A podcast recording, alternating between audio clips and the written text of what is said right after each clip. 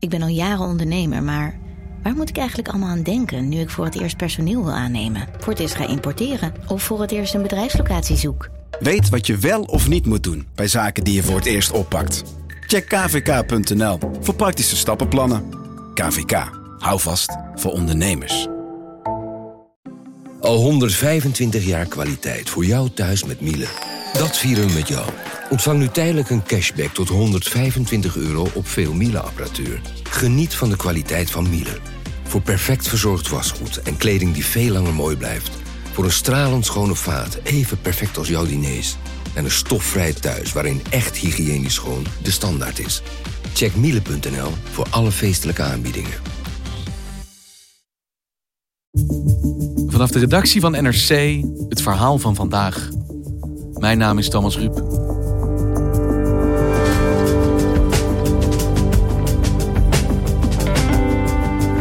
Vanavond is de 45e uitreiking van de Césars, ook wel de Franse Oscars genoemd. Twee weken geleden nog stapte het voltallige bestuur op. De reden? Kritiek op de 12 nominaties voor J'accuse van de van verkrachting beschuldigde regisseur Roman Polanski. Kun je het bekronen van deze film in deze tijd nog loszien van zijn daden?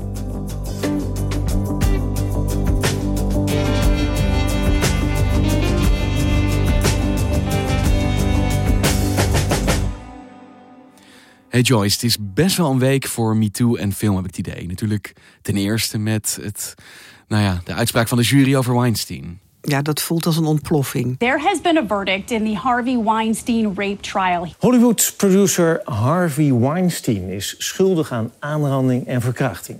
Dat heeft een jury in New York bepaald. Een rechter zal beslissen, later, wat zijn straf wordt. Het is een bevestiging dat MeToo ergens over gaat. Joyce Roodnat is kunstredacteur, criticus en columnist. En dat je gehoord wordt als vrouw als je je, je beklaagt over nou, dat iemand je kwaad heeft gedaan in seksueel machtsmisbruikende zin. En toch zitten we hier niet om het over Weinstein te hebben, maar wij gaan praten over de Césars. Ja. Césars zijn, zijn de grootste Franse filmprijzen. Dan zou je zeggen, wat kan dat schelen? Want we hebben het toch altijd over de Oscars. Maar dit zijn voor Europa hele grote prijzen. Dus ze zeggen de Franse Oscars. En alleen Franse films kunnen die krijgen. En dit, het belang ervan stamt ook uit de tijd dat de Franse film de belangrijkste film van Europa was. En uh, daarvoor is Roman Polanski's nieuwe film J'accuse genomineerd. En als je daarvoor genomineerd bent, alleen al is het heel belangrijk. Le premier conseil de guerre du gouvernement militaire de Paris a reconnu le nommé Dreyfus Alfred coupable du crime de haute trahison. J'accuse is een verfilming van de Dreyfus affaire, waarin een Frans-Joodse uh, officier wordt beschuldigd van spionage. La leçon à tirer du châtiment de Dreyfus est de montrer au monde ce que nous faisons des traîtres. En ik heb die helaas nog niet gezien. Ik ben erg nieuwsgierig hoe die is. Um, maar die is twaalf keer genomineerd, heel vaak. En daar zijn protesten tegen gekomen, omdat Polanski al sinds 1977 achtervolgd wordt door een misbruikzaak. En ze zeggen, moet een verkrachter nu twaalf keer genomineerd worden voor de belangrijkste filmprijs van Frankrijk? Le J'accuse de Roman Polanski est le film le plus nominé pour l'édition 2020 des récompenses du cinéma français. Et ce, alors que le réalisateur a été, uh, vous le savez, de nouveau accusé de viol. Uh, daarop is het bestuur van de Césars opgestapt. Accused of being out of touch and coming under fire for showering director and convicted rapist Roman Polanski with award nominations for his film An Officer and a Spy.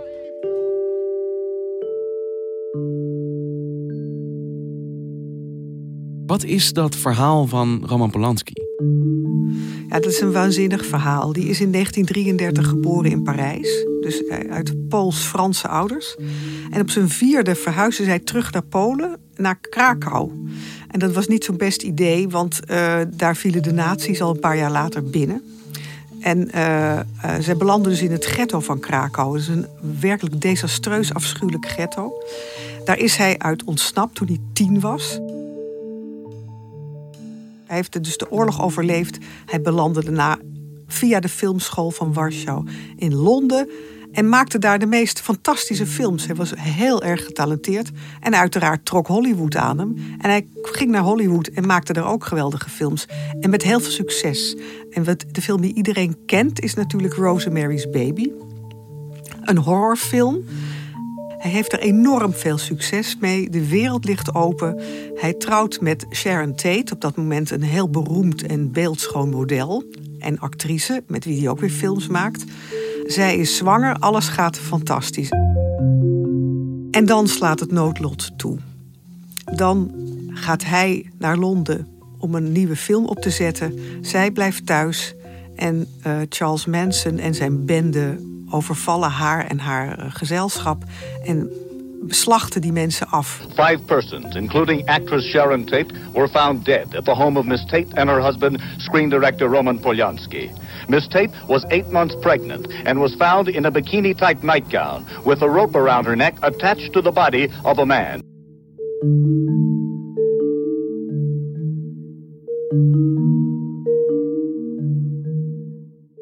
En daarna komt hij terug in een wereld die ineens heel anders is. Nou, aanvankelijk uh, is hij natuurlijk helemaal aan barrels. Maar hij, gaat, hij pakt het toch weer op. Hij gaat films maken. Eerst niet met veel succes, maar dan maakt hij Chinatown. En, en opnieuw krijgt hij enorm succes. Alles gaat goed, maar tien jaar na de moord op zijn vrouw staat hij voor de rechter. Op beschuldiging van verkrachting van een dertienjarig meisje. Hij maakte een fotoshoot voor Vogue en mocht van haar moeder haar als model gebruiken. Dat gebeurde in het huis van Jack Nicholson en zijn toenmalige echtgenote Angelica Houston. Dat meisje is twee keer daar geweest. Eh, de eerste keer heeft ze gewoon geposeerd, maar toen vroeg hij haar al om haar blouse uit te trekken. En de tweede keer dat ze poseerde, nam hij haar mee naar de slaapkamer. Angelica Houston komt thuis, hoort daar vreemde geluiden, bronkt op de deur en zegt: Wat is dat daar? En laat zich afschepen met de opmerking: We zijn hier bezig met de fotoshoot, alles gaat goed. En zij was 13 jaar uit. En dat, meisje. was Samantha Geimer, en die, die was toen 13 jaar. Hij heeft bekend en hij kwam toen terecht bij wijze van straf voor een 90 dagen durende behandeling in een psychiatrisch hospitaal. Daarvan heeft hij er, geloof ik, 40 dagen gezeten. En toen kwam hij er weer uit. En toen mocht hij naar Europa, omdat hij bezig was met een filmproductie. En toen is hij nooit meer teruggekomen. Nooit meer om de rest van zijn straf uit te zitten. Maar ook omdat er was een nieuwe zaak tegen hem aangespannen door een rechter. En dat is altijd blijven hangen, die dreiging van die zaak. En hij is ook nooit meer teruggegaan naar nooit de VS? meer naar de VS. Hij is uh, Frans staatsburger, dus daar woont hij. En die, hebben, die leveren geen eigen burgers uit. Dus daar is hij veilig.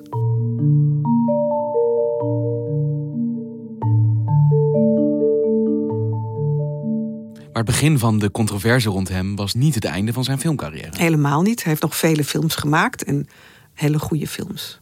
En ook in 2003, toen hij die Oscars kreeg voor beste film, beste regisseur, voor de pianist. En de Oscar goes to Roman Polanski voor de pianist. Op dat moment is er geen ophef dat niet hij dat ik me, Niet dat ik me herinner, nee, nee. Niet dat ik me herinner. En wat is er dan nu veranderd dat hij deze keer bij deze nominatieregen wel het middelpunt van controverse wordt en dat er wel dus ophef ontstaat. Wat er veranderd is, is dat dit het tijdperk van MeToo is. En dat heeft veranderd dat um, vrouwen begrepen hebben dat je je mond niet meer hoeft te houden. En een aantal vrouwen denkt, ja, ik heb ook een herinnering aan hem.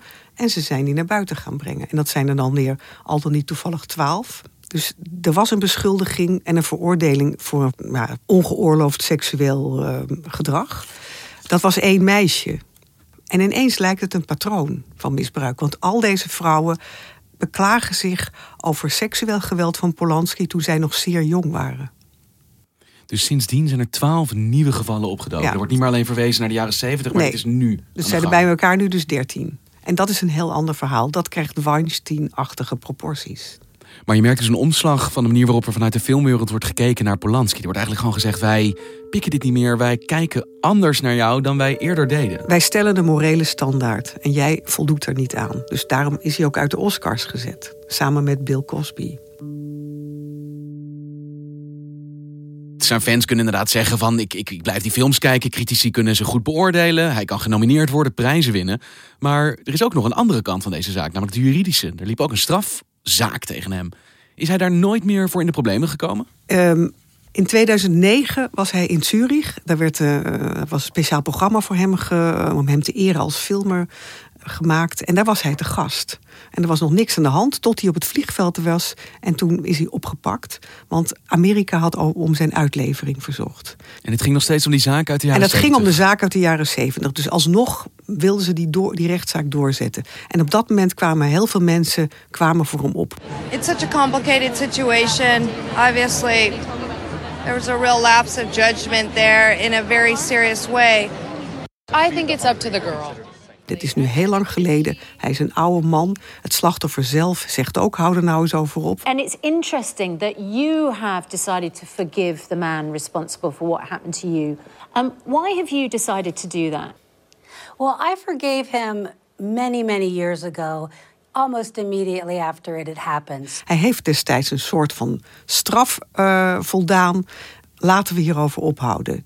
Ikzelf, moet ik zeggen, stond ook een beetje aan die kant. Want ik dacht, ja, het is een soort omgekeerde klasjustitie. En ik, ik, ik ben ook voor hem opgekomen. Ik heb toen ook een commentaar geschreven... waarin ik dat idee van die omgekeerde klasjustitie heb uitgewerkt. En ik ben toen op televisie daarbij geweest, want het was toch blijkbaar wel een opvallende uh, houding. In die tijd kwam dat erg veel voor. We kunnen dat betreuren.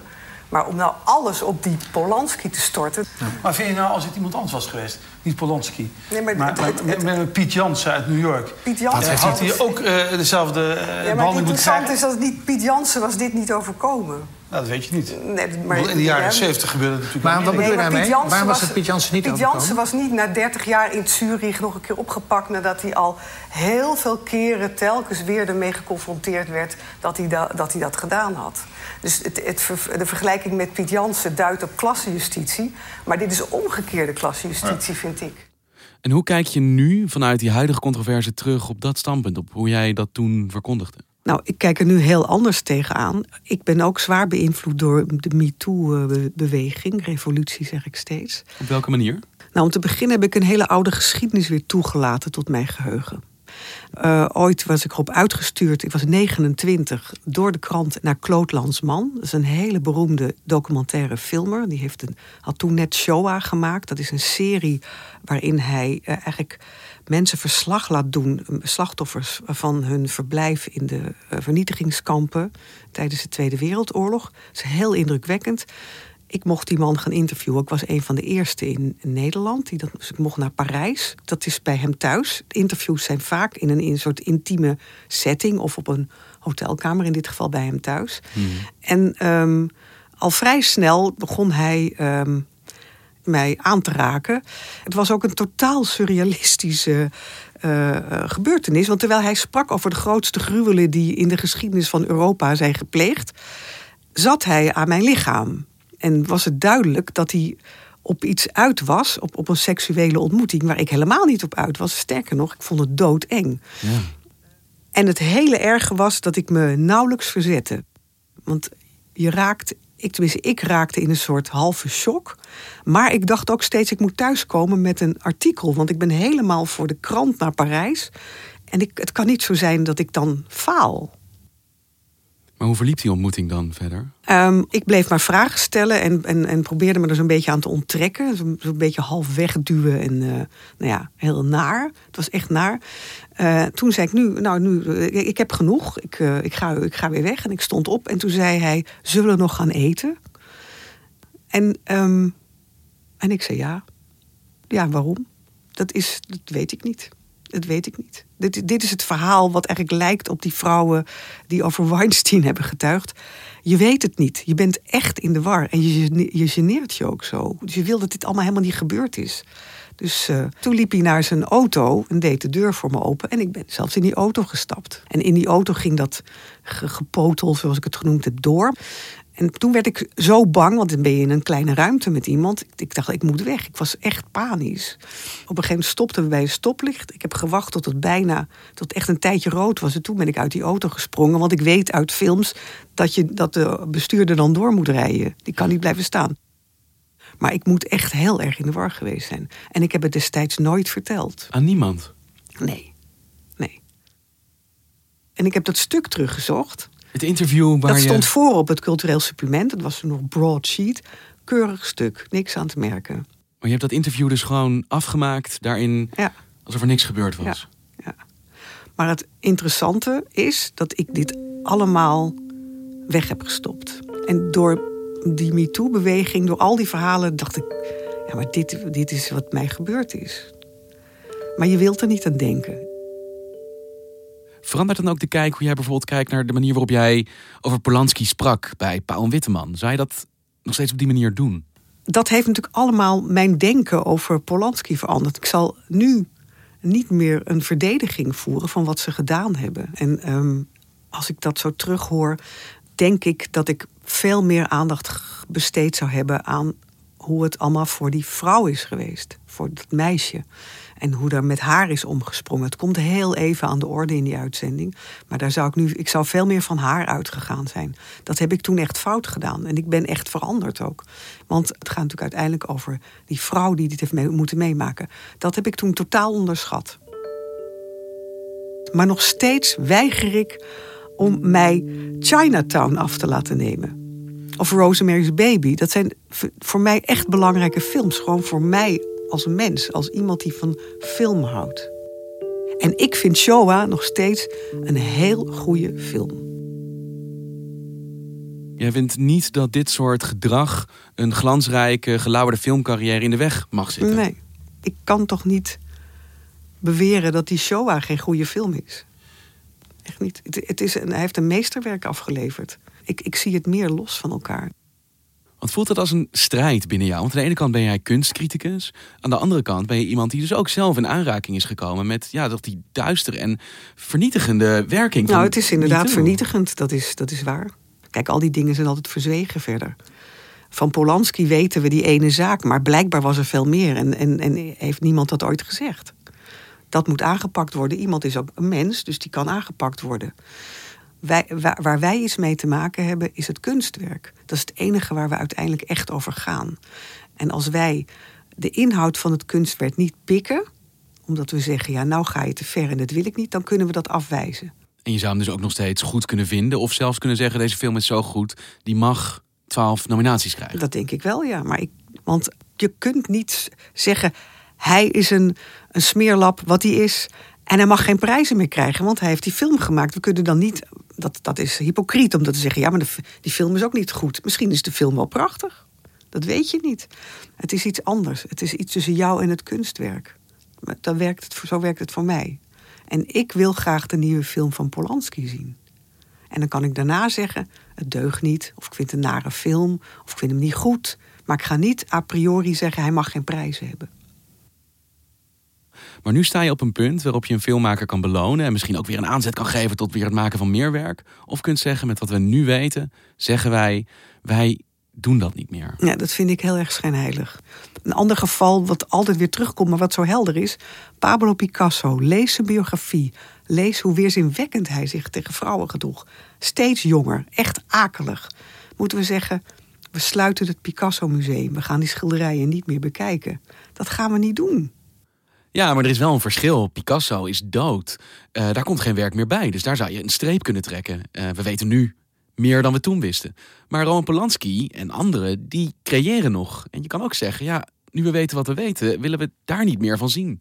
Dan, kan, dan ga je dus zeggen, Picasso, die, die houden we uit de wind. En we, we zien dat schilderij van die vrouw, die heeft allemaal schilderijen gemaakt van een vrouw die huilt. Heel veel. Lees haar biografie en lees waarom ze huilt. Verschrikkelijk. Die man was een grote zak. Maar dat schilderij is wel, die schilderijen zijn wel mooi. Gaan we dan ineens daar doekjes overheen gooien? Mogen we die niet meer zien? Nee, dat doen we natuurlijk niet. Maar we mogen ons wel realiseren dat Picasso geen leuke man was. Integendeel, nogal beestachtig. We mogen ons realiseren, Polanski wordt nu beschuldigd door een grote groep vrouwen. Dat nemen wij serieus. Maar gaan we dan zeggen, we gaan met z'n allen die film niet bekijken? Nee, dat lijkt me niet. Maar ik denk wel dat op een bepaalde manier misschien vanavond een oordeel wordt geveld. Want die nominaties die zijn er. Maar of die bekrachtigd gaan worden, of hij ook gaat winnen... dat is natuurlijk inmiddels niet meer los te zien van die storm die is Nee, losgebarsten. natuurlijk niet. Dus jij gaat ook niet kijken vanavond. Wel, nee, nee. Ik ga lekker naar de film. Ik, kijk, ik lees morgen wel hoe het gevallen is.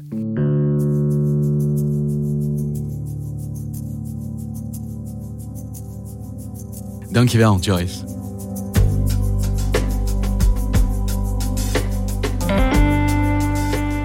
Je luisterde naar Vandaag, een podcast van NRC.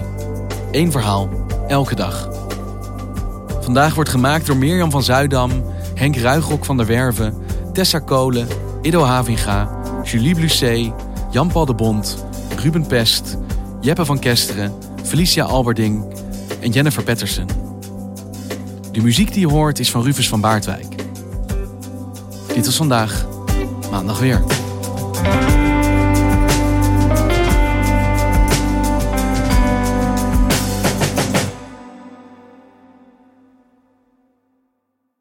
Technologie lijkt tegenwoordig het antwoord op iedere uitdaging. Bij PwC zien we dit anders. Als we de potentie van technologie willen benutten, kunnen we niet zonder een menselijk perspectief. Human-led, tech-powered noemen we dat. Ga naar pwc.nl.